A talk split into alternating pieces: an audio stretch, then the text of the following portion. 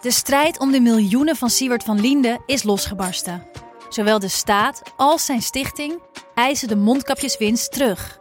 Maar dat die opbrengst in ieder geval niet thuis hoort bij Van Linde, daarover kan toch eigenlijk geen twijfel bestaan. Hoe kon het zo ver komen? Dit is het. We hebben beet. En als Siewert het geld teruggeeft, kunnen wij dit schandaal dan eindelijk loslaten?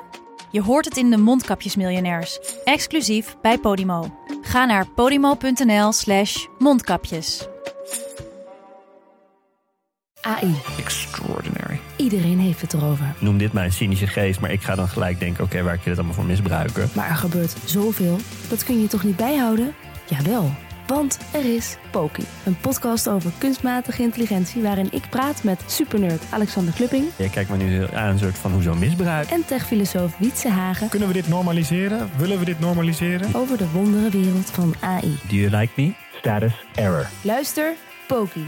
Ik ga nu ophangen. Bedankt. Vind je dit een leuke podcast? Luister dan ook naar Veldheren Historisch. Die maak ik, Mart Kruif, samen met mijn zoon en geschiedenisleraar Tom de Kruif. Je hoort het al, wij doen dingen die je bij andere podcasten niet hoort. Oftewel, to boldly go where no one has been before. Zo behandelen we ook de slag om Alesia, waar Julius Caesar van twee kanten door de Galliërs werd aangevallen. Hij zou zo'n 1 miljoen Galliërs hebben uitgemoord. En Asterix en Obelix klopt niet. Zeker, en zo bespreken we ook markante veldheren en legendarische veldslagen uit de geschiedenis. Zo kom je bijvoorbeeld te leren waarom het jaar 1870 misschien wel het belangrijkste jaartal is in de geschiedenis. Luister dus Veldheren Historisch via Podimo. En als je je aanmeldt via podimo.nl slash Historisch. Dan luister je 30 dagen gratis. Kortie Media. Veldheren is een productie van Corti Media en WPG Studios. Die begeerde Russische aanvoerlijn komt dichterbij voor Oekraïne. Ondertussen vliegen de drones heen en weer. Oekraïne zoekt op verschillende manieren naar meer dienstplichtigen. Er zijn reclamecampagnes, uitzonderingsregels worden voorzichtig aangepast en ontduiking wordt harder gestraft. Vrouwen blijven tot nu toe buiten schot, maar is dat wel zo logisch? Ik bespreek de rol van vrouwen in een oorlog met generaals buitendienst Peter van Um en Mart de Kruif. Mijn naam is Jos de Groot. Je luistert naar Veldheren. En luister vooral ook naar Veldheren Extra, onze wekelijkse extra aflevering waarin Peter en Mart meer vragen van luisteraars beantwoorden. Meld je aan via vriendvandeshow.nl slash veldheren. Meer dan 800 luisteraars gingen je al voor. Laten we zoals elke week beginnen bij wat er nu gebeurt op de grond in Oekraïne. Ik moet eerlijk zeggen, ik vind het best wel lastig om zicht te houden op wat er gebeurt. Wat, wat zien jullie? Nou, ik denk dat dat voor iedereen geldt. het is gewoon he- heel lastig. En je moet toch afgaan op eh, ja, wat je uit, verschillende bronnen eh, uiteindelijk bij elkaar krijgt. En eh, ja, mijn beeld is toch wel dat als de Oekraïners op een gegeven moment eh, eh, een succes melden, dan, dan is dat over het algemeen wel, eh, wel zuivere koffie.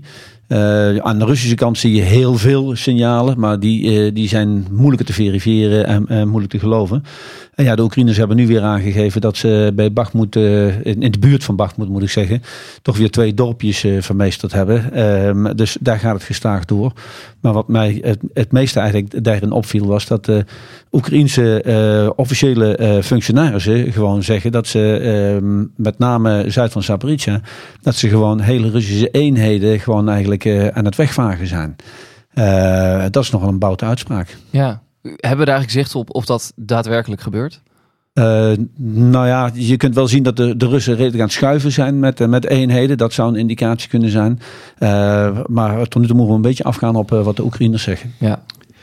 Kijk, wat interessant is, is dat de gevechten bij Bakhmut eh, hebben een enorme impact op de ontplooiing van de Russen. Want de reserves die ze eigenlijk heel graag naar Zaporizhia zouden willen brengen om de opmars van Oekraïne daar te stuiten, moeten ze inzetten bij Bakhmut. En zijn niet de minste eenheden. En van deel hebben ze het wel gedaan, hè? Ja, precies. Het zijn niet de minste eenheden. Hè. Dat zijn eh luchtlandingseenheden die ze daar eh, inzetten. Dus een beter opgeleide en getrainde. Hè. Die is nu in eh eh, Bakhmut moeten inzetten. Dus het schaakspel, zoals ze zeggen, op operationeel niveau. Hè. Hoe kan ik nou in tijd en ruimte mijn beste eenheden op de juiste plaats hebben? Ja, dat is momenteel volop aan de gang. En ja, we weten echt niet waar dat gaat eindigen. Want het heeft ook natuurlijk invloed niet alleen op je logistiek. Hè. Het uh, op en neer verplaatsen van eenheden is niet zo eenvoudig.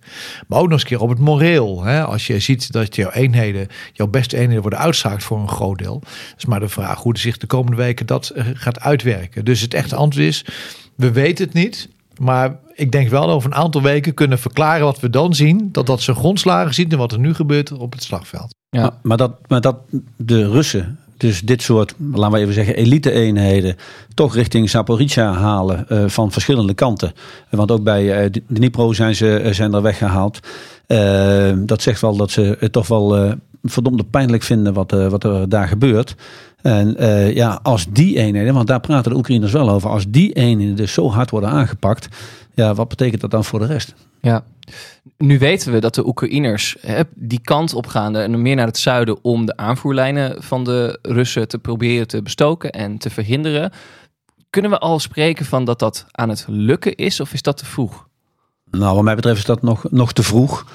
Uh, steeds die honderd kleine stapjes, hè? Ja, zeker. Uh, maar um, aan de andere kant zie je ook dat de Oekraïners steeds meer druk beginnen te leggen op de Krim. En dus niet alleen via dat front zuid van Zaporizhia, maar ook met allerlei acties uh, over de Zwarte Zee heen, met, met droneaanvallen, met kruisraketten. Dus de druk is groot. Hè? Er is weer een melding dat gisteren zou een hoofdkwartier van de Zwarte Zeevloot op de Krim zijn aangevallen. Nou, de Russen doen daar uh, weer heel, uh, nou, laat ik maar zeggen, luchtig over. Die ontkennen het, uh, dat, er iets, dat er echt iets schade is, heeft geleden. Ja. Maar de Oekraïners roepen gewoon dat het gelukt is. Ja. Nou, je ziet ook wel meldingen dat Oekraïnse acties over zee door de Russen worden afgeweerd. Hè. Dus, dus bootjes vol met troepen gewoon op zee worden aangevallen en uiteindelijk niet doorkomen naar de Krim. dus je ziet dat daar heel veel aan de gang is wel zien we dat die oorlog, hebben we het ook eerder in een aflevering besproken, aan het uitbreiden is. Hè? Ook uh, geslaagde aanval vorige week op Sebastopol zou een Russische uh, onderzeeër zijn geraakt. Wat kunnen jullie voor tactiek van de Oekraïners daar ontwaren? Je ziet dat Oekraïne al, al tijden bezig is. Wij noemen dat hun operationeel raamwerk in te vullen. En dat wil zeggen dat ze een achtergebied willen beschermen. Vooral met luchtafweer. Uh, uh, dat ze in hun frontlijn bezig zijn, daar hebben we het net over gehad, om proberen de Russen zodanig te positioneren dat ze kunnen doorbreken en de Russen de reserves op de verkeerde plek hebben. En in de diepte, in de diepe operatie zijn ze bezig om constant die aanvoerlijnen aan te grijpen. Maar ook zeg maar de command en control, de leiding van de Russen aan uh, te grijpen. En dat is dus een heel logisch verhaal wat ze aan het doen zijn. Dat gebeurt andersom ook en Russen doen het ook. Zien we ook steeds meer die inzet in de diepte plegen. Alleen wat me telkens verbaast is dat de Russen problemen hebben om een achtergebied ook veilig te houden. Dat komt omdat ze een heel groot achtergebied hebben, groter dan uh, uh, Oekraïne. Maar uh, ook door toch een soort onderschatting van de capaciteiten die Oekraïne in de diepte kan ontplooien. Ja, en, en dat leidt tot onrust binnen de Russische top. En dat zie je ook. Er zijn, weet u dat er nu luchtafweereenheden van het front zijn weggehaald en naar Moskou en andere steden zijn gebracht. Om tenminste wel die verdediging in de diepte te kunnen hebben. Ja, dat is eigenlijk precies wat je natuurlijk als Oekraïne zoekt, zoiets. Ja, en, en daarbovenop zien we dat de Oekraïne ook echt pogingen doen. De Oekraïners doen echt pogingen om luchtverdedigingscapaciteiten van de Russen uit te schakelen. En dan Jos, even net iets scherper. Jij zei dat mogelijk uh, die Russische onderzeeër was aangevallen. Nou, er is gewoon uh, beeld... Is bevestigd. Nee, het is gewoon bevestigd. Ja. En er zitten gewoon grote gaten in dat ding. Ja. Dus uh, die doet voorlopig niet mee, hoor. Ja, sorry, dat is mijn reflex om te voorzichtig ja. te zijn. Ja, maar, maar uh, toch, uh, ja, ik, vond, ik vond het in ieder geval opmerkelijk. Ik weet niet wat Marten van vindt, we hebben het er niet over gehad. Het maar, gebeurde volgens mij zo'n beetje tijdens onze podcastopname vorige week. Ja, ja maar, maar uh, jij zei van het, het, conflict wordt groter. Ja, er zijn een heleboel berichten over wat er nu in Soedan is gebeurd. En als je die allemaal terugtreest, wordt het allemaal teruggegaan naar een bericht van CNN dat dus uh, mogelijk Oekraïners, uh, mogelijk Oekraïnse drones nu een of andere groepering in Soedan aanvallen die gesteund wordt door Wagner. Nou, uh, ik, ik heb er een groot vraagteken bij. We, ik kan het nog niet verifiëren wat er aan de hand is. Maar ja, als je zegt dat het conflict groter wordt, nou, dan zijn ze hier wel heel ver buiten hun eigen tuintje. Ja. Zie jij dat ook op die manier, Mars? Ja, ja, ik, ik bedoel eh, dat soort eh, berichten ben ik heel uh, te groot om nu goed te interpreteren. Want ik denk dat Oekraïne alles nodig heeft om zich de Russen zelf van het lijf te houden op dit moment. maar bijvoorbeeld ook hoe propaganda werkt. Hè? De aanval op de markt waarbij 15 mensen overleden. Binnen twee uur zei Zelensky, dit is een aanval van de Russen. Nu blijkt het zijn dat het een bukkenraket is geweest die een doel niet heeft getroffen. Wel een explosieve lading heeft en dus landt op een markt. Ja, hoe, hoeveel Murphy kun je hebben? Maar dat is ook ja, oorlog. En, maar even, even scherp, sorry, maar een bukraket die door de Oekraïners als luchtverdediging is ja, afgeschoten. Ja, ja, ja, maar we weten dus dat oorlog is ook frictie. Clausius noemt het frictie. Je hebt gewoon niet alles in de hand. Soms gaan dingen vreselijk fout. En dat komt niet alleen omdat je niet goed plant. Maar je hebt ook een tegenstander die er wat van vindt. Ja, en op een gegeven moment gaan dit soort dingen fout. En daar hebben wij soms moeite mee te accepteren. Maar dat is ook de frictie van oorlog. Ja, over frictie van oorlog uh, gesproken. Tegelijkertijd is er een VN-top gaande waar zowel Zelensky rondloopt als de Russische minister van Buitenlandse Zaken Lavrov. Hoe pijnlijk is zo'n situatie? Nou, ik denk dat iedereen uh, zijn best doet om die twee uit elkaar te houden. Ja. Uh, en ja, tijdens dat soort toppen kunnen, ja, kunnen de meest vreemde dingen toch uiteindelijk bij elkaar komen of uit elkaar worden weggehouden. En ja, dus uh, ja, ik moest onmiddellijk denken aan een anekdote die ik zelf heb meegemaakt. Uh, wij, wij, stonden bij een grote NAVO-top, stonden met de hele delegatie, Nederlandse delegatie, minister-president, minister van Buitenlandse Zaken, minister van Defensie, stonden we allemaal te wachten. Uh, en uiteindelijk kwam uh, de Italiaanse delegatie kwam er uiteindelijk aan. Dat was ene Berlusconi. Uh, met een hele entourage. waarvan in ieder geval een paar jonge, niet onaantrekkelijke dames waren. En die met veel Italiaans blablabla kabaal voorbij kwamen. En ja, tien meter daarachter liep mijn Italiaanse collega. dus ja, ik sprak hem aan en ik zei van... Hey Enzo, shouldn't you be with your prime minister? En terwijl hij donders goed ziet wie er bij mij staan, ja, uh, mijn minister-president, ministers, uh, antwoordt die van, oh no Peter, my prime minister is perfectly capable of arranging his own disasters. dus ja, je, ja, soms loop je ook eventjes tegen elkaar aan en ja. wordt er een gaantje gemaakt of wordt, moet je misschien wel een keer lelijk naar elkaar kijken. Dat kan gewoon gebeuren. Ja, absurde situaties. Eigenlijk. Ja, absurde situaties. We nemen nu op op donderdagochtend. Bericht eigenlijk van deze ochtend is dat er is een beetje mot tussen Polen en Oekraïne. En Polen heeft nu gezegd: wij stoppen onze militaire steun aan Oekraïne. Uh, is dat een groot probleem? Nee. Nou, oké, okay, gaan we door. Nee, maar ik, ben het, ik, ik, denk, ik denk te weten wat Mart bedoelt. Want Let als je volmondig nee zegt, dan ben ik het niet helemaal met hem eens. Nee, heerlijk. We zijn er niet eens. Kijk, kijk, kijk, kijk. Nee, maar er komt natuurlijk op 15 oktober zijn er verkiezingen in Polen. En dat ja. werpt zijn schaduw vooruit. En ze hebben daar een groot uh, probleem, omdat ze met uh, migratie uh, is nu naar boven gekomen dat veel diep veel uh, mensen in de politiek van de buitenlandse zaken en vooral van de partij PIS, de regerende partij, PIS, dat die uh, worden betaald om buitenlanders toe te laten om te migreren naar Polen. Dat is een schandaal en dat is een probleem met de verkiezingen die aankomen. Dus je zoekt naar iets wat de aandacht daarvan weghaalt. En wat je ook weer kiezers kan opleveren. Nou, dus ga je scherp afzetten tegen wat Zelensky heeft gezegd. Namelijk dat het die hele graandeel en het Polen niet wil afnemen. Dat het vooral politieke retoriek was. Nou, daar hebben ze nu aangegrepen en zeggen dat is niet waar. En we stoppen de wapensteun. Dat zal waarschijnlijk niet gebeuren. Bovendien, Polen is vooral een doorvoerland. Hè? Een gros van de logistiek van de NAVO gaat via Polen. Dat zal niet worden gestopt. En het is ook niet in het Poolse belang om Oekraïne de oorlog te laten verliezen. Dus je ziet dat de verkiezingen in Polen wel een schaduw vooruitwerken. En, en, en toch wel invloed hebben op de retoriek die nu wordt gehanteerd. Ja, want in Polen uh, lijmt de regering daar natuurlijk ook de boeren mee, hun eigen boeren. En dat is een uh, belangrijke sector in, in hun land. Maar uh, uiteindelijk levert dit natuurlijk wel uh, voor het publieke domein levert dit gewoon schade op. Als het gaat over eensgezindheid van het Westen, steun aan Oekraïne. en de Russen die smullen hier natuurlijk van. Ja. Even naar eigen land. deze week was natuurlijk Prinsjesdag. miljoenennota gepresenteerd. Um, en als ik even precies voorlees, dan staat er: de defensiebegroting stijgt van 15,2 miljard euro dit jaar naar 21,4 miljard in 2024. Maar die 2% NAVO-norm, die halen we nog niet. Onze bijdrage blijft steken op 1,94%. Dat is minder dan de prognose van vorige maand 1,96%. Ja, zeg het maar. Ja, daar kun je twee dingen over zeggen. Uh, punt 1. Ik ben een beetje Cato, die na elke speech zei... en overigens ben ik van mening dat Carthago verwoest moet worden. Oude Romein. Het is natuurlijk van de knotsen dat we sinds 2014 zeggen... dat we 2% van ons BNP gaan besteden. En in 2024 doen we het nog steeds niet. En dan komt nog een keer bij, en dat is het rare, dat we in de begroting B2 hebben meegenomen. Dat betalen we. De marge zit daarin. Bij veel landen wordt de marge niet bij de defensiebegroting gerekend, maar voor een deel. En de pensioenen en wachtgelden zitten nog een keer in. Dus het is enigszins nog een gepimpte begroting ook als je het allemaal meeneemt. Dus ja, dat is natuurlijk raar. Aan de andere kant, ter verdediging van de regering. Ja, 2% van BNP, als jouw BNP groeit, dan groeit jouw defensiebudget ook. En je moet wel kunnen wegzetten. Dus er vergt wel enige nuance.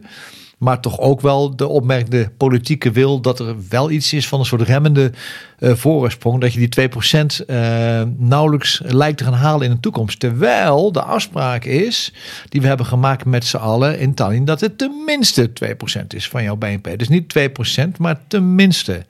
Dus we hebben nog even wat te doen. Ja, uh, er, is, er is nog een mooie uh, um, ja, redenering dat uh, de steun aan Oekraïne ook eventueel mee kan worden gerekend, wat tegen de NAVO-regels in is. Maar dat wordt dan ook nog eventjes ja, als redenering neergezet van zie, als we dat nou meetellen, dan hebben we de 2% wel aangetikt. ja. Chinees rekenen hoor. Ja, ja, ja, ja, ja dus boekhoudkundige creativiteit is dat. maar ehm, ja, uiteindelijk gaat het erom, kunnen we structureel die 2% borgen? Want ik ben dus heel erg bang voor die wankelmoedigheid van politici die uh, straks toch weer uh, ja, uh, op korte termijn denken zitten en dan toch weer bij Defensie geld weghalen. Dus dat zou ik erg jammer vinden. aan de andere kant, ik ben het in die zin met het realisme van Mart eens. Je kunt nu natuurlijk wel een heleboel geld in Defensie pompen. Maar we zien allemaal dat de defensieindustrie, die zit gewoon helemaal tot over de oren vol met, met orders. Dus ja, als jij dan als Nederland uh, alleen komt met een order, dan uh, ben je niet nummer één op de lijst, om het simpel te zeggen. Dus je moet ook reëel, reëel zijn en zeggen van wanneer kunnen we dat geld dan ook gewoon aan de juiste dingen wegzetten. Ja. Want je kunt natuurlijk wel uh, blind spullen gaan kopen, maar dat is niet de manier waarop je met belastinggeld om moet gaan. Nee. dus ja, we moeten een heel proces in om personeel te werven, personeel te houden en nieuwe spullen te hebben. En dan nog eens een keer, het, uh, waar we nog steeds mee bezig zijn, de voorraden uh, die we uh, jarenlang verwaarloosd hebben, om die weer goed bij te trekken. Ja, en als je het over voorraden hebt, wie eet momenteel veel van die voorraden als het gaat over munitie en militaire spulletjes? Dat is Oekraïne. Ja. Dus ook daar moeten weer keuzes worden gemaakt. Over die 2% NAVO-norm krijgen we een interessante vraag van uh, luisteraar Dennis Robel. Hij schrijft ons: Waar ik benieuwd naar ben is, omdat we structureel de 2% niet halen, hoe wordt daarmee omgegaan op NAVO-bijeenkomsten? Worden wij daarop aangesproken? Voelen wij ons als Nederland opgelaten dat we daar zijn, wetende dat wij de afspraak niet nakomen?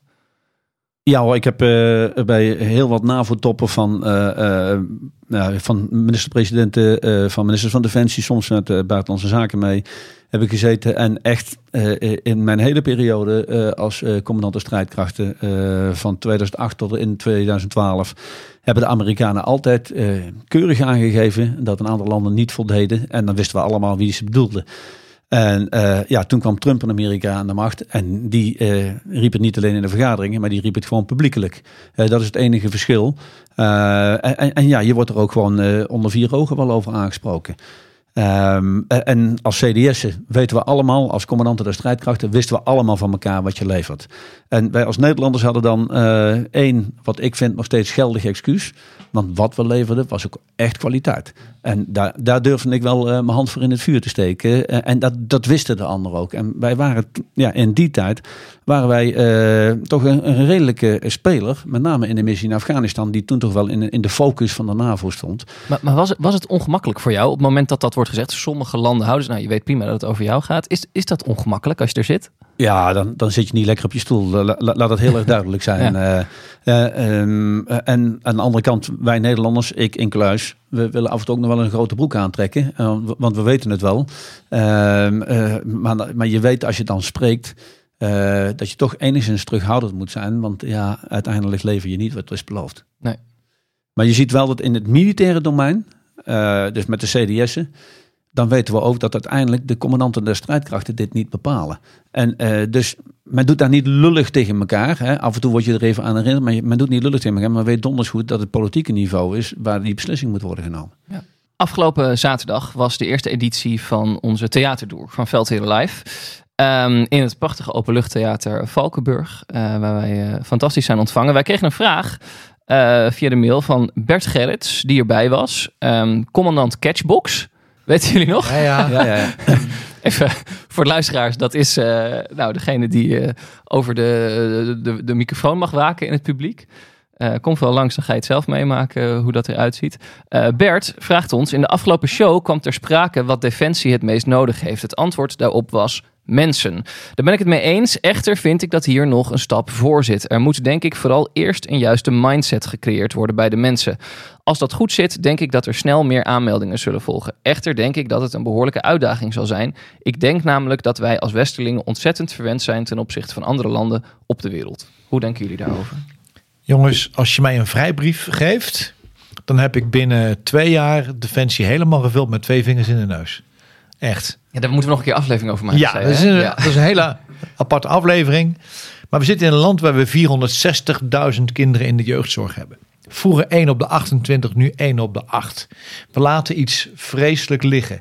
En lang niet al die jongens en meisjes, maar een heleboel hebben gewoon behoefte aan, aan structuur, rust, orde en regelmaat. En die kun je wat bijbrengen bij Defensie. Daar ben ik heilig van overtuigd. Bovendien, als je kijkt naar de aanmeldingen op de officiersopleiding en onderofficiersopleidingen, die zitten hartstikke vol.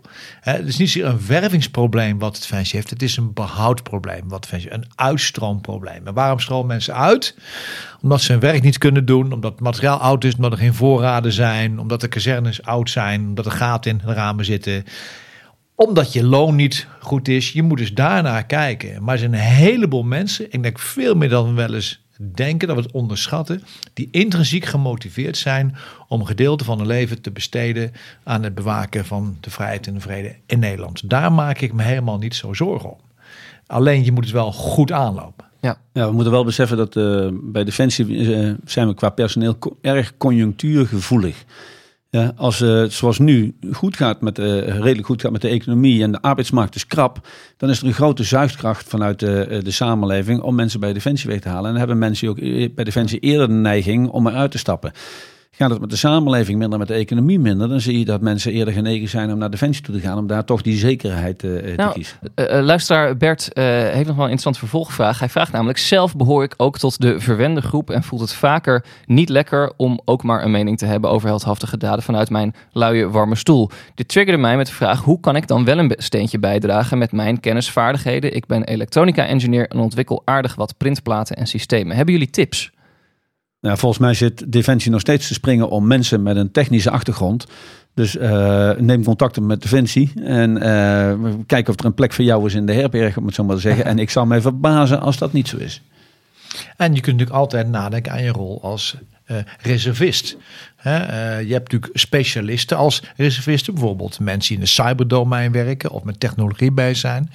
Maar wat wel eens vergeten is de nationale reserve, waarbij gewoon eh, mensen een gedeelte van hun vrije tijd eh, inleveren om te kunnen dienen bij een eenheid die bestaat uit mensen met een geweer en een lunchpakket, infanteristen die heel goed zijn getraind om lokaal te kunnen bewaken en beveiligen. Nationale reserve. En vroeger waren dat in onze ogen vaak oudere mensen die nog wat leuks wilden doen. Nu zijn het heel veel studenten die dienen bij de, de Nationale Reserve, omdat ze ideologisch dat goed vinden. Omdat ze erachter komen ook dat ze daar meer verdienen dan uren draaien in de kroeg. Het verdient gewoon goed, maar de kameraadschap die ze daar vinden, die vinden ze ook nergens anders. Dus eh, ga daar eens ook kijken. Ook als reservist bij Defensie kun je prima dienen. Ja, als je veel van die mensen spreekt, die zeggen dan van eh, we have the best of both worlds. Mooi. Mooie vraag. Eh, dank voor de tip, heren. En eh, nou, kom ons vooral zien in het theater. En wie weet ben je onze volgende commandant Catchbox. Dan naar het thema van deze week: vrouwen en oorlog. Het werd ons eh, onder meer ingegeven door een vraag van luisteraar Daan Peters. Hij schreef ons het volgende: Al enige tijd volg ik de oorlog in Oekraïne. Ik vraag mij af wat de rol van de vrouw is aan beide kanten. Ik zie op social media dat er aan de kant van Oekraïne zeker vrouwen betrokken zijn in de vrijwilligersbataljons als medic of als sniper, maar niet in de aanvalseenheden. Klopt dit? En hoe zit het aan de Russische kant? Ik heb daar nog weinig of geen vrouwen kunnen bespeuren. Welke rollen vervullen vrouwen aan die kant? Nou, dat is een vraag waar ik eigenlijk ook wel mee zit, dus ik ben benieuwd wat jullie daarvan zien. Nou, volgens mij is zijn, uh, zijn prima en uh, geeft eigenlijk wel het juiste beeld. Voor zover ik het heb kunnen zien. En zie je van aan beide kanten eigenlijk geen vrouwen direct aan, aan het front. Dat is eigenlijk de, de, de, de simpele constatering. En wat is daar de reden voor? Nou, eigenlijk is dat van oudsher. En je kunt het klein bekijken en groot bekijken. Als je het klein bekijkt, dan zijn mannen door hun grotere fysieke krachten beter geschikt om te kunnen vechten. Uh, dat is één. Ik wil niet zeggen dat er geen vrouwen aan het front zijn, biologisch iets. Maar je ziet bijvoorbeeld dat bij de geneeskundige troepen, geneeskundige afvoer of de logistiek, dat er wel degelijk heel veel vrouwen zijn. Maar als je het breder kijkt, dan kun je niet vechten in de loopgraaf als het thuisfront niet is geregeld. En daar spelen vrouwen een cruciale rol. Want dat zijn degenen die het gezin laten draaien, maar ook die de economie laten draaien. Uh, die zorgen dat de ziekenhuizen worden, worden bemenst, maar dan met vrouwen. Hè. Uh, dus je kunt geen oorlog voeren zonder dat je alle taken die zo'n staat heeft kunt voortzetten. En daar spelen vrouwen met name in het thuisfront een cruciale rol. Dus als je het breder bekijkt, dan kan het een niet zonder het ander. Ja, dus vrouwen dragen gewoon net zo hard bij en uh, ja, krijgen helaas net zoveel van de ellende mee. En daarvoor hoef je echt niet uh, in de loopgraven te zitten. Nou, ik, ik er zijn ook uh, voorbeelden voor. Hè? Bijvoorbeeld in de Eerste Wereldoorlog mm -hmm. uh, werden de vrouwen uh, in Engeland te werk gesteld in de industrie, de munitie-industrie. Omdat ze daar veel met TNT in aanraking kwamen, kregen ze een gele huidskleur. Werden de Canaries werden ze genoemd. De Canaries werden ze genoemd. Heel, heel ongezond. Ja. Veel mensen zijn overleden. Ik was een keer in San Diego. Daar werden de bommenwerpers gebouwd voor de Amerikanen. 80% van de productieband bestond uit vrouwen. Hè? Want de mannen waren aan het front en de vrouwen deden de productie. En als je weet dat de Tweede Wereldoorlog logistiek cruciaal was, hè? de massale productie van schepen, van tanks en van vliegtuigen, daar speelde vrouw dus een cruciale rol in. En de Eerste Wereldoorlog, Frankrijk, er ook heel veel films over dat de landbouw werd gedraaid door de vrouwen die achterbleven. Die zorgden voor het eten. En dus het een kan niet zonder het ander. Ja, al, lees ik ook wel dat die, die genderverdeling, zal ik maar zeggen, dat die ook een beetje kan veranderen door een oorlog. was bijvoorbeeld een verhaal in NRC over vrouwen in Oekraïne die nu worden opgeleid om mijnen te ruimen. Iets wat voorheen eigenlijk een taak was van de mannen. zijn natuurlijk traditioneel ingerichte samenlevingen, zowel Oekraïne als Rusland. Um, dus dat effect heeft het ook. Jazeker. Uh, uiteindelijk de situatie waar een land in is uh, bepaalt voor een groot deel uh, hoe je met de, de, uitdagingen en de dreigingen omgaat. En ja, er is al eerder aangegeven dat de Oekraïners, we hebben het in onze aflevering van mijnen ook gehad, dat die steengoed aan het worden zijn in het, in het ruimen en vinden van, van mijnen. En uh, ja, daar kun je uiteindelijk vrouwen ook uh, prima inzetten. Nou, en nu is, zijn er gewoon complete opleidingen voor vrouwen daar om deze uh, dat toch wel extreem gevaarlijke en stressvolle baan uit te voeren. En je, ja, toevallig werd ik er dan weer door getroffen. en, het, en het moet toeval zijn geweest, maar ja, ja zo zie je maar weer. We, we dachten van we gaan over vrouwen, vrouwen praten. Op een krantartikel boven tafel. En, en, dan, en dan lees ik dus in de trouw. Taiwanese vrouwen snakken naar militaire kennis voor als China aanvalt. En dan zie je weer dat een situatie ja, kan toch weer een kentering eh, opleveren in het beeld van hoe, man, hoe de rol tussen man en vrouw is. En daar zie je dus in Taiwan dat nu opeens zo'n 58% achter het idee staat om een dienstplicht voor vrouwen te hebben. Terwijl een tijd terug daar nog geen sprake van was. En zo is het in Oekraïne natuurlijk ook. Men kijkt nu anders naar wie kan wat bijdragen in de samenleving. En dan zie je ook dat er ook discussies bij de Oekraïners zijn over uh, jongelui die het land verlaten. Ja, er zijn ook uh, jonge uh, dienstplichtwaardige uh, knullen die het land verlaten. Ja. en, en daar vinden de meeste Oekraïners ook wat van. Ja. We kregen een vraag van een luisteraar, Max den Blanke. Hij schrijft ons, in, hoe in hoeverre speelt ouderwetse offline, tussen haakjes, spionage een rol in deze oorlog? Het Hollywood-cliché van de verleister die een spion blijkt te zijn, in hoeverre is dat op waarheid gebaseerd? ja, het eerlijke antwoord is: dit is een known unknown. Ja. Dat weten we gewoon niet. De, de rol van de Mataharis in uh, deze wereld, ja, dat komt echt pas uh, later aan uh, de oppervlakte. Dat weten we nu niet. Maar we weten wel dat als je praat over inlichtingen inwinnen, dat het niet alleen maar is elektronische inlichtingen inwinnen en te kijken wat een tegenstander doet in het spectrum. Uh, nee, ook de menselijke maat speelt hier een hele belangrijke rol en zal ook altijd zo blijven. Zolang er mensen op aarde zijn, zullen mensen voor de gek worden gehouden en worden gebruikt om informatie te verkrijgen. Ja, ik weet uit mijn tijd dat de, uh, de Nederlandse defensieattaché in Moskou uh, die kon uh, ja, redelijk makkelijk contact krijgen met allerlei uh, mooi uitziende jonge dames. en die toevallig dan op de plek waren waar, waar hij dan ook was. Oh ja. Dus ja, natuurlijk wordt dat middel ingezet. Maar, maar laten we het ook gewoon dan ook wat positiever draaien. Als we gewoon kijken naar bijvoorbeeld de Tweede Wereldoorlog. Wat de rol van vrouwen in het verzet. Nou, daar kun je alleen maar diep respect voor hebben. Mm -hmm. um, als het gaat om de geschiedenis, hè, er worden hier vaak uh, nou, militaire denkers aangehaald. Dan is het Clausewitz of het gaat wel eens over Patton. Dat zijn toch zijn allemaal mannen. Zijn er eigenlijk ook uh, grote vrouwen uit de militaire geschiedenis die, uh, nou ja, die echt wel een invloed hebben gehad en waar we nu nog wat van kunnen leren. En dan moet ik eerst uh, corrigeren, dat doe ik graag. Maar Patton als grote denker wegzetten oh, vind ik wel oh, ga ik. een beetje over de top. Ja, ja, Interessant is, Patton zat in zijn klas op West Point, was dat de slechtste leerling van iedereen. Dat was ook de generaal die soldaten met shellshock sloeg. In Daarom, dus, dus, en het leuke is dat je... I stand dat corrected. Clausewitz als militaire denker is ook leuk, maar zijn boek is na zijn dood eigenlijk gereed geredigeerd en geschreven door zijn vrouw, Marie von Clausewitz. Kijk, kijk, kijk, kijk. Dus daar zit al gelijk een uh, nuance. Ja, dat is, dat is, een voorzetje. Die zeg maar om bij Ajax te blijven, die zelfs Charisteas erin kopte. Maar dat is weer een ander verhaal. Uh, nee, maar uh, vrouwen spelen gewoon een hele belangrijke rol. Als je naar de geschiedenis kijkt, heb je een aantal rollen. De eerste rol is natuurlijk de rol van strijder. Nou, we kennen allemaal Jeanne d'Arc. Hè? Um, maar we hadden ook bijvoorbeeld vrouwenbataljons na de Russische revolutie in 1917. Die de haren afschoren en zich als mannen voor deden. Dus strijders aan de frontlijn in vorm van vrouwen hebben we altijd wel gehad. Wij kennen Kenau Simons dochter Hasselaar bij het beleg van Haarlem. Alhoewel, als je daar als historicus naar kijkt, is het een beetje een gepimpt verhaal. Het is een beetje een propagandaverhaal. Maar het is wel een begrip, hè? Kenau, als iemand die op de barricade stond. We kennen de internationale brigades in Spanje tijdens de burgeroorlog die daar vochten, waar heel veel vrouwen zaten. En we kennen natuurlijk het voorbeeld dat Israël, dat vrouwen daar in de frontlijn zaten. Alhoewel Israël daar wel met veel functies van is teruggekomen, want ze zagen dat het gedrag van mannen anders werd omdat er vrouwen in de eenheid zaten. Met name als je vecht tegen, een, tegen volkeren die een islamitische achtergrond hebben en wat anders naar de rol van vrouwen kijken. Dat is geen waardeorde, maar dat is wel zo. Dus je ziet dat mannen heel beschermend werden op opzichte van die vrouwen. En hebben ze heeft in zo'n mate slechte invloed op de operaties dat we daar wat anders gaan indelen. Dus je hebt nog wel jachtvliegers die mhm. vrouwen zijn, maar bij de infanterie-eenheden heb je eigenlijk nauwelijks meer vrouwen met Israëlisch leger. Ik vond dat toch fascinerend. Dat, dat onderzoek hebben jullie eerder aangehaald, inderdaad, over dat mannen zich dus eigenlijk anders gaan gedragen als er vrouwen in de eenheid zitten. Ja, dan denk ik toch soort van intrinsiek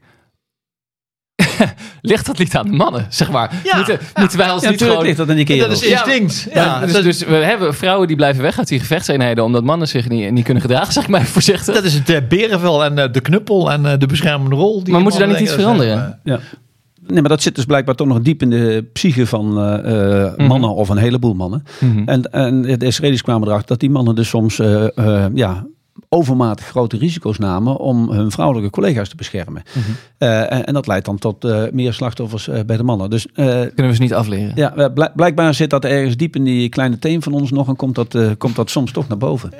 en, en toch zijn aanzet om het anders te doen. Bijvoorbeeld in Noorwegen hebben ze een hele test aan om te kijken of ze geen vrouwen konden toelaten tot de Special Forces. En waarom wilden ze dat graag? Omdat ze erachter kwamen dat bij inzet het hebben van vrouwen in eenheid, als je bijvoorbeeld inlichtingen moet vergaren, dat het heel handig is niet alleen man te hebben, maar ook vrouwen in een eenheid te hebben die zichzelf kunnen redden onder moeilijke operationele omstandigheden.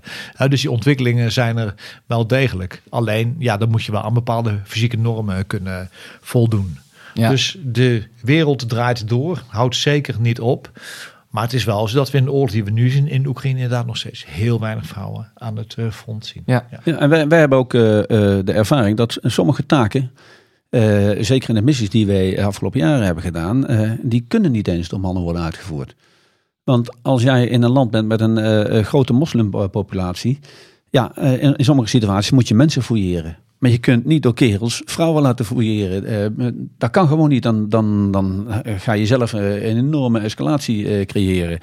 Ehm, als je in die landen gewoon wil weten wat er in de samenleving leeft, dan kun je met die mannen gaan praten. Ja, dat zijn allemaal van die, eh, van die trotse mannen. Eh, en die gaan echt niet altijd tegen jou vertellen van wat nou hun problemen zijn en waar je ze mee kunt helpen. Want eh, alles is oké. Maar als je met de moeders kunt praten, want die willen gewoon uiteindelijk een goede toekomst voor hun kinderen. Ja, dan, en, en wie kunnen met die moeders praten? Dat zijn onze vrouwelijke militairen. Want die kunnen gewoon eh, samen in een zaaltje zitten en gewoon eh, eh, praten over de dingen die echt belangrijk zijn. Dus ja, dat kun je dan niet door kerels laten doen. En, en als we even teruggaan naar de geschiedenis. Het, is eigenlijk sinds we grote legers hebben, en die worden bepaald door de industriële revolutie, is de rol van vrouwen op het thuisfront alleen maar belangrijker geworden. En want als je een totale oorlog voert, waarbij je niet alleen militaire middelen gebruikt, maar ook economische middelen, andere middelen, dan kun je zo'n oorlog nooit voeren zonder vrouw. Dat zijn de voorbeelden die we hebben gehad. Wat we ook zien in de geschiedenis is dat vrouwen altijd machtig zijn geweest. Dat vergeten we eens. Maar Catharina de Grote, Catharina de Medici, Mary Queen of Scots. Dat waren vrouwen die een enorme macht hadden, formeel en informeel. En toch een deel van onze geschiedenis hebben bepaald. Dat willen we wel eens wegzetten. Het leukste natuurlijk is dat vrouwen natuurlijk ook werden gebruikt voor propaganda. We kennen natuurlijk Vera Lynn, de Sweetheart of the Forces, uh, Marilyn Monroe, Marlene Dietrich. Ook die functies werden allemaal gebruikt. Maar het meest boeiende vind ik eigenlijk de rol van de vrouw achter de schermen. De, de indirecte invloed die vrouwen hadden. En uh, dat zie je, dat hadden ze gewoon. Uh, Churchill had een uh, minnares. die had grote invloed op zijn denken. we kennen Eleanor Roosevelt, die een grote invloed had op haar man. Ehm, we kennen natuurlijk Mata Hari als spion. Maar we kennen ook de rol van Eva Braun bij Hitler. Dus achter elke man zie je, wij spreken wel een vrouw staan. Een van de leukste verhalen daarover, maar dat werkt andersom, is van Pétain. Dat is toch een anekdote, maar even tussendoor. 1916, Duitsers vallen aan bij Verdun en willen eigenlijk het Franse leger daar door de gehaktmolen halen. Letterlijk zei ze dat, door de gehaktmolen halen. Gaat daar fout bij Verdun, dus de Fransen zoeken vol wanhoop op een generaal die Duits kan tegenhouden. En ze komen uit bij Pétain.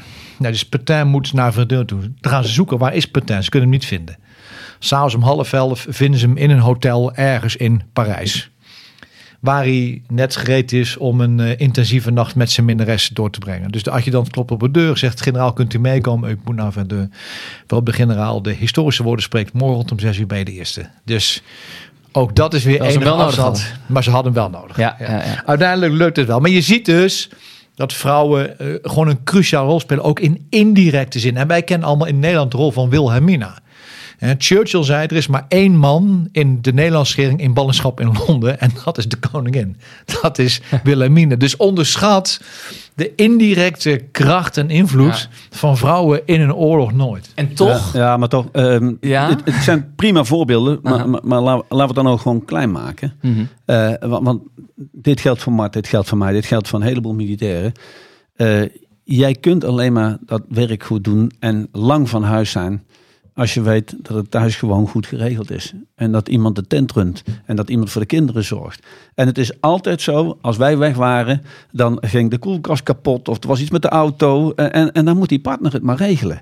Ja? En als jij gewoon, eh, ja, wij zaten in missies, eh, als je daar zit en, en je weet van eh, het, het is thuis in de hand. Nou, dat is echt heel veel steun hoor. Ja, en, en toch, als ik, als ik even mag. ehm, de, de norm is toch vaak de man. En het thuisfront denken we toch vaak aan de vrouw. En dat, eh, terwijl vrouwen het vaak eh, heel belangrijk zijn tijdens vredesmissies. De inbreng van vrouwelijke militairen in vredesmissie krijgt in 2000 een impuls door een VN-resolutie 1325, jullie wel bekend, Vrouwen, Vrede, Veiligheid. Die benadrukt het belang van de participatie van vrouwen in conflictmanagement, vredesonderhandelingen en wederopbouwprocessen. En dan denk ik, en dat denken misschien wel heel veel mensen, zou de wereld er niet een beetje anders uitzien als er aan die onderhandelingstafels vrouwen, veel meer vrouwen zitten in plaats van al die mannen. Nou ja, laat, één ding duidelijk zijn. Vrouwen kunnen net zo vreed zijn als, eh, als mannen. Eh, en ook net zo goed. Maar ik heb wel geleerd, eh, alleen al in militaire eenheden, dat als je een paar vrouwen in een eenheid plaatst. en we hebben door schade geleerd dat je beter niet één vrouw in een eenheid kunt plaatsen. Maar als je een paar vrouwen in een eenheid dan verandert de sfeer gewoon. En over het algemeen ten goede. Ja? En als je vrouwen in een onderhandelingsproces betrekt, ja, die kijken gewoon anders naar de wereld. Die kijken anders naar problemen, die kijken anders naar kansen. Dus eh, eh, het, het, het verrijkt de mogelijkheden in de onderhandelingen gewoon, eh, wat mij betreft. En dus heb je absoluut een punt. En maar ook als je onder grote druk snel besluiten moet nemen, is diversiteit in een groep en ook de aanwezigheid van vrouwen is cruciaal. In uh, Afghanistan moesten binnen acht minuten gaan besluiten of we een, een eenheid die aan het vechten was, of we die gingen ondersteunen door een bom te laten gooien door een vliegtuig of uit een kanon. Voordat zo'n bericht bij jou is, is het al vijf minuten. Want zo lang duurt het door de lijn. En waarom acht minuten? Daarna is het gevecht vaak over. Dus dan heb je ook al een besluit genomen. We moesten binnen drie minuten dus gaan besluiten. Altijd een vrouw bij. Altijd. Waarom? Om de diversiteit van de groep. Naarmate je met verschillende kanten naar een probleem kijkt, kun je toch vaak het beste besluit nemen. Terwijl je ook weet dat je niet altijd het goede besluit neemt, maar dat is wat anders. En daarin hadden we altijd een vrouw meegenomen in die rol. Ja, ja, ja wij, wij probeerden daar ook echt rekening mee te houden. Ik had als eh, baas van Lammer en Mart ook had een clubje wat een beetje jouw klankbord was. En daar zaten maar vier, vijf mensen in. En we zorgden altijd dat in dat clubje minimaal één vrouw zat. Ja. Ja, en één burger en één militair. Gewoon om uh, vanuit alle aspecten, uh, vanuit alle hoeken toch naar de problematieken te kijken. Ja, dan is er een, net een bericht wat nog eens aangeeft hoe de Russen hier tegenaan kijken. Want in Rusland is nu een, een vrouwelijke militair die is door de kruisraad gestraft. En waarom? Ze is zwanger, ze heeft ook nog een kind thuis. En uh, ze heeft tegen de baas gezegd: Ik ben even met andere dingen bezig. En ze heeft uh, niet de juiste procedures, vindt men, aangehouden. En formeel wordt ze nu gestraft met zes jaar strafkamp. Men zegt, de kranten uh, in, in Rusland zeggen van: Nou ja, uiteindelijk zal ze wel een soort kwijtschelding krijgen of uitstel. Maar dat is toch gek van woorden als je zo uh, omgaat met uh, vrouwelijke collega's. Hmm. Mag ik nog iets aan toegezien uit een hele andere hoek? Ik heb me altijd verbaasd toen wij de eerste vrouwelijke minister van Defensie kregen. Janine Hennis dat het meer ging om, dat ze vrouw was dan om wat ze deed. En bij Defensie deed bijna niemand daar moeilijk om. Maar buiten Defensie werd er soms heel raar over. Dan kan de vrouw van Defensie worden. Jongens, dat is echt onzin en dat speelt ook helemaal niet. Ja, maar jij maakt hem, jij maakt hem los. Maar uh, toen ik uh, commandant de strijdkracht was, uh, was er een formatie gaande. En die naderde het eind. En dan op een gegeven moment wordt gekeken naar welke poppetjes moeten op welke stoelen. En welke partij moet op welke, welke stoel krijgen. En toen werd ik benaderd door een, een bekende politicus En die belde mij op als commandant de strijdkrachten met de vraag van Peter, wie moet er volgens jou minister van Defensie worden? Nou, ik viel bijna van mijn stoel af. Als in Nederland de CDS dat mag bepalen, dan zijn we echt op de verkeerde weg. Dus ik heb geen antwoord aan die persoon gegeven, maar ik heb hem wel gezegd, uh, ik durf de stelling wel aan dat jullie in een veel te kleine vijver kijken. En die persoon zei tegen mij, hoe bedoel je dat? Ik zeg, nou, wedden dat jullie immer naar mannen kijken. Ja, dat gaf hij dan schoolvoet toe. Ik zeg, waarom kijk je niet ook naar vrouwen?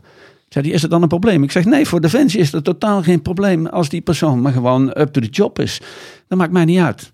Nou, eh, gesprek afgelopen. Twee dagen later word ik door een andere politicus van die partij gebeld. En eh, die zegt mij van, uh, Peter, heb jij gezegd dat het een vrouw moet worden? Nee, dat heb ik helemaal niet gezegd. Uh, maar zo zie je hoe we, we, er soms nog een beetje nou, spastisch mee omgaan.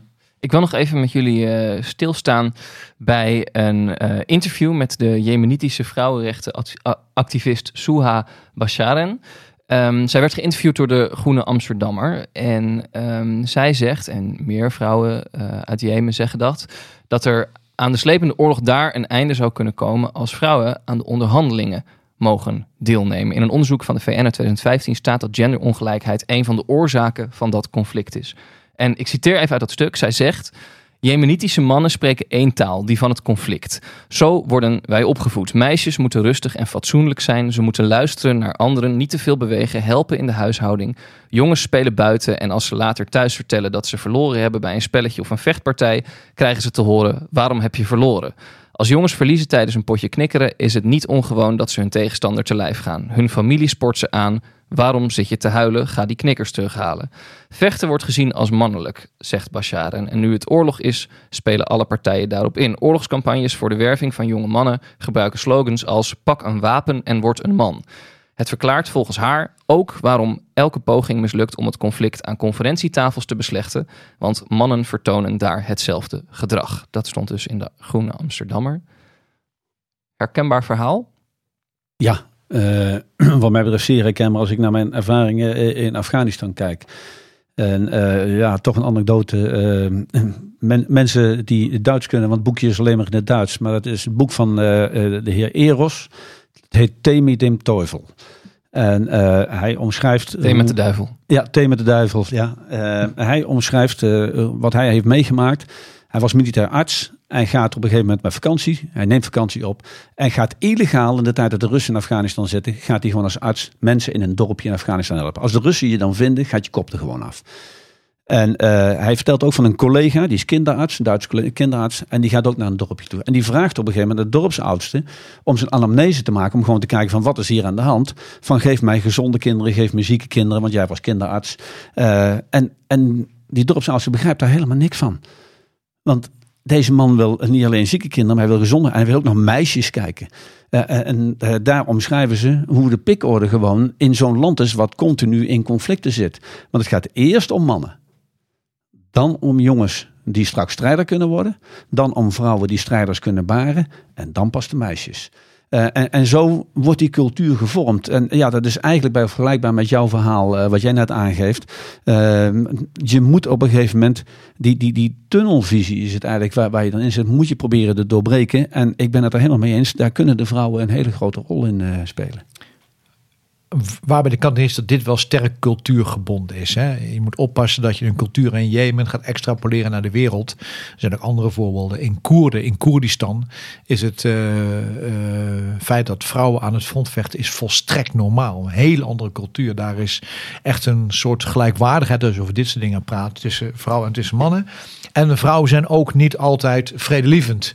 Als je naar de geschiedenisboekjes gaat kijken, bijvoorbeeld, een van de oorzaken dat we de Frans-Duitse oorlog hebben gekregen tussen 1870 en 71, is niet alleen Bismarck die het graag wilde, maar ook de vrouw van Napoleon III, die toch wel even graag een oorlog wilde om die Duits even een lesje te leren. Dus pas op dat we dingen veralgemeniseren. Dat is niet zo. Maar vrouwen hebben gewoon een dempende invloed op geweld. Dat is zo. En als we het tot slot nog even vertalen naar de Nederlandse krijgsmacht. Ehm, moeten we, en dan is we eigenlijk gewoon mannen, moeten we meer ons best doen om vrouwen erbij, eh, bij Defensie te betrekken en ook betrokken te houden? Nou, het is, we kunnen over het algemeen eh, voor de Nederlandse krijgsvaart redelijk veel vrouwen eh, binnenhalen. Maar de kunst is uiteindelijk toch om ze binnen te houden. En, en daar moet je beleid op maken. Daar moet je mensen, vrouwen, mogelijkheden geven. Want uiteindelijk ja, eh, is het nog steeds, eh, nog steeds biologisch zo dat eh, zij zijn de moeders, zij baren de kinderen. En nou, ja, dan op een gegeven moment, als dan de tijd komt van huisje, boompje, beestje, dan zie je toch dat veel vrouwen het moeilijk te combineren vinden met het militaire beroep. Want ga er maar aan staan als je zoveel maanden van huis bent, twee, twee kinderen weg hebt. Dat is als vader al lastig. Ik denk dat als moeder nog veel lastiger is. Eh. Ik weet zelf nog dat ik in Bosnië was en op een gegeven moment mijn vrouw stuurde eh, een foto van mijn- onze twee kinderen die voor het eerst naar het eh, schoolfeest gingen. En daar stond mijn zoon eh, in het eh trouwjacket van mijn vader en mijn dochter voor het eerst in een, lange jurk. Ja, daar staat Peter van Nuem gewoon met natte ogen hoor. Eh, en ik denk dat dat voor een moeder eh, zeker eh, zo is. Dus je moet je best doen. En eh, ja, jij zei wij mannen. Ehm, ik vind ook dat eh, eh, de mannen daar een rol in hebben te spelen. En ik heb ook gemerkt dat we soms gewoon saboteurs van mijn beleid, wat ik toen had, gewoon in onze organisatie hadden. Want op een gegeven moment werd ik, nou, kwam ik in gesprek met een, een vrouwelijke militair verpleegkundige. Vier jaar opleiding. Die twee keer rechtstreeks onder mij gewerkt had. En eh, ze, kwam, ze belde mij eigenlijk om te zeggen van nou ik ga eruit. Eh, en bedankt, ik heb fijn eh, twee keer onder u gewerkt, maar nu stop ik. Nou, deze, deze meid, als ik het zo mag zeggen, die was geboren voor dit vak. Dus ik vroeg waarom ga jij weg? Ja, en die vertelde mij dus gewoon, ja, ze wil nu toch aan kinderen beginnen met haar partner. En ze wilde samen met een collega deeltijd op één functie. Maar haar baas had gezegd, niet bij mij. En dus ja, dan heb ik maar één keus, dat is vertrekken. Nou, dan, dan ben ik des duivels. Dus ik heb de volgende dag echt die commandant gebeld die ik persoonlijk ken. Over alle niveaus heen. Want ik hoefde geen karaktermoord gelijk op die, of carrièremoord op die man te plegen. En die heb ik toen gevraagd van, waarom heb jij mij niet gezegd dat je het niet eens bent met mijn beleid? Ik kreeg even de commandant der strijdkracht aan de lijn. Ja, ja dus Ja. eh, De, die, eh, die had even eh, een momentje nodig om het juiste ritme aan zijn hart aan te geven. En hij kon er eigenlijk geen goed antwoord op geven. En toen heb ik hem verteld wat er aan de hand was. en dat dat niet mocht backfire op die twee. En toen heb ik hem gewoon voor de keus gesteld. Ik zei, het is heel simpel. Of je gaat met die twee dames, ga je contact opnemen en je gaat het regelen. Of je hebt morgen een andere functie. Dus zeg het maar. Nou, dat was niet zoveel keus voor hem. en het mooie is, dat kun je dus dan ook bij Defensie. Ja. Ja? Eh, want dan, dan kun je dat ook regelen. Als, als jij eh, achter mijn rug om gewoon eh, het beleid niet uitvoert, ja, kan ik jou dan als commandant nog wel vertrouwen. Kijk, het is vaak ook een mentaal probleem. Want bij Defensie, op het moment dat je binnenkomt, leer je altijd dat je ergens vol voor gaat en niet half voor gaat. Dus als je commandant wordt van de eenheid, ja, dan heb je voor jezelf het gevoel dat kun je niet in deeltijd doen. Je wil gewoon op die eenheid zitten. Dat zijn jouw mannen en vrouwen, daar ben je baas van. En, veel van die commandantenfuncties zitten natuurlijk net in de tijd dat vrouwen in een leeftijd dat ze ook kinderen kunnen krijgen. En dan moeten ze keuzes maken komt erbij dat heel veel van die vrouwen dan een relatie met iemand anders in de krijgsmacht, een vrouw uh, of man. Dus dan wordt het probleem eigenlijk nog groter en dan moet je keuzes maken. Nou, wat we veel beter kunnen doen is, hier kun je niet zoveel doen. Wat je wel doen is, als dan vrouwen eenmaal weg zijn, om ze veel actiever te gaan benaderen, om weer terug te gaan keren. Want het is enorme kennis en ervaring in. En je moet dus niet wachten tot mensen naar je toe komen, maar je moet veel proactiever zijn op het uitstippelen van, zeg maar, carrièrepaden over een leeftijd. En daar heeft Defensie dat aan meegewerkt. Want we hadden tot nu toe een policy dat als je 36 jaar bent, dan bepaalt Den Haag wel of je mag blijven of niet. Ja, dat is natuurlijk voor dit soort dingen killing. Je moet mensen perspectief bieden, ook in tijd. Dat is nu aan het veranderen. En ik denk dat dat heel goed is. Volgende week praten we verder. Waar gaan jullie op letten de komende week? Nou, ik ben wel heel benieuwd hoe de druk op de Krim uh, en dat gebied daaromheen, uh, hoe dat wordt opgevoerd uh, door de Oekraïners. Helder? Mart? ja, er is gewoon echt wat aan de hand. Alleen we weten nog niet wat de uitkomst is. Hè. Het, het, het front beweegt gewoon. Dat zie je. En misschien niet zo in geografie, maar wel in intensiteit. En, en ja, dus ontzettend moeten voorspellen wat uh, eruit komt. Kan nog uh, vier jaar duren, maar voor hetzelfde geld. Vier, vier jaar zeg je? Ja, maar voor hetzelfde breekt het uh, front ergens. En in vier weken ziet het er heel anders uit. Dus ja. we weten niet waar we naar kijken op dit moment. De duiding komt echt pas later. Nou, volgende week gaan we weer een poging doen. Uh, je luisterde naar Veldheren. Mijn naam is Jos de Groot. Naast mij zitten generaals buitendienst Peter van Um en Marts de Kruijf. Wil je hen een vraag stellen? Mail ons dan op veldheren.cortimedia.nl. C-O-R-T-I media is dat. Vind ons ook op X en op Instagram. Bij Veldheren Extra gaan we nog even door en beantwoorden we meer vragen van luisteraars. Bijvoorbeeld die van Wil Erkens. Hij wil weten, stel Oekraïne neemt de Krim in, maar Rusland blijft hen bestoken. Wat mag Oekraïne dan doen volgens de afspraken met NAVO en EU? Ben je benieuwd wat Martin Peter daarover te zeggen hebben? Luister dan verder via vriendvandeshow.nl slash veldheren. Hopelijk zien we je daar. En sowieso hier op de oude vertrouwde plek. Tot volgende week.